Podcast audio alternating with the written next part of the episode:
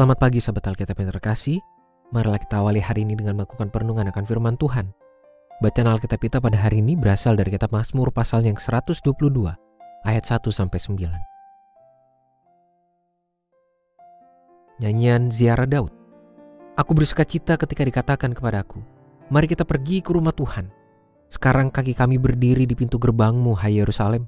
Yerusalem yang dibangun sebagai kota, sebagai kota yang erat terpadu ke sana suku-suku berziarah, suku-suku Tuhan, untuk bersyukur kepada nama Tuhan sesuai dengan peraturan bagi Israel.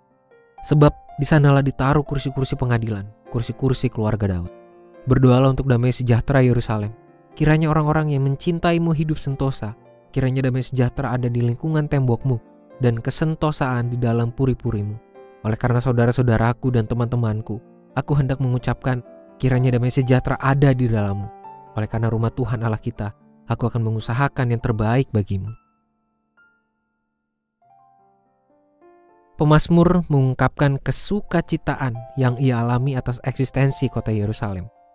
Hal ini bukan semata-mata karena kemegahan kota itu sendiri, melainkan akibat keberadaan rumah Tuhan yang begitu bernilai tinggi dalam kehidupan iman bangsa Israel. Terlebih lagi, kota Yerusalem juga memiliki nilai sejarah iman yang sangat mendalam bagi mereka. Itulah mengapa bangsa Israel sangat merasa terpukul pada saat mengalami pembuangan yang memaksa mereka untuk keluar meninggalkan kota tersebut. Hal itu pula mengapa muncul syair-syair doa yang berisikan permohonan kesejahteraan atas kota Yerusalem. Doa itu tidak mengindikasikan sebuah bentuk pemujaan terhadap kota Yerusalem, melainkan sebagai wujud kelekatan nilai pengalaman iman mereka dengan Tuhan di dalam kota tersebut. Ingatan terhadap pengalaman iman adalah penting untuk terus dipertahankan agar umat tidak mudah kehilangan ikatan rasa dalam relasi dengan Tuhan.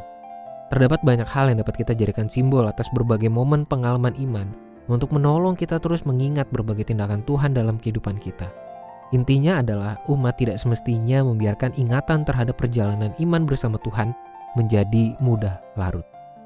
Maklum saja, hati manusia yang dapat terpengaruh oleh suasana dapat membuat kita cepat teralihkan dari Tuhan. Misalnya, mengarahkan hati dan pikiran kepada Tuhan pada saat kita merasakan pertolongannya di tengah situasi hidup yang begitu mencekam bukanlah sesuatu yang sulit. Namun pada saat hidup kita telah berjalan dengan begitu nyaman, kita pun memiliki kemungkinan yang sangat besar untuk teralihkan dari Tuhan. Alhasil, secara tidak sadar kita justru kehilangan fokus terhadap Tuhan. Jadi, marilah kita mengarahkan hati kita untuk terus mengingat dan memiliki ikatan rasa dalam setiap relasi yang kita bangun dengan Tuhan. Mari kita berdoa. Tuhan begitu banyak tindakanmu yang kami alami. Pemeliharaan Tuhan yang begitu nyata dalam kehidupan kami. Tolong kami agar ingatan kami terus terikat kepadamu. Jangan biarkan kami melupakan berbagai kasih Tuhan.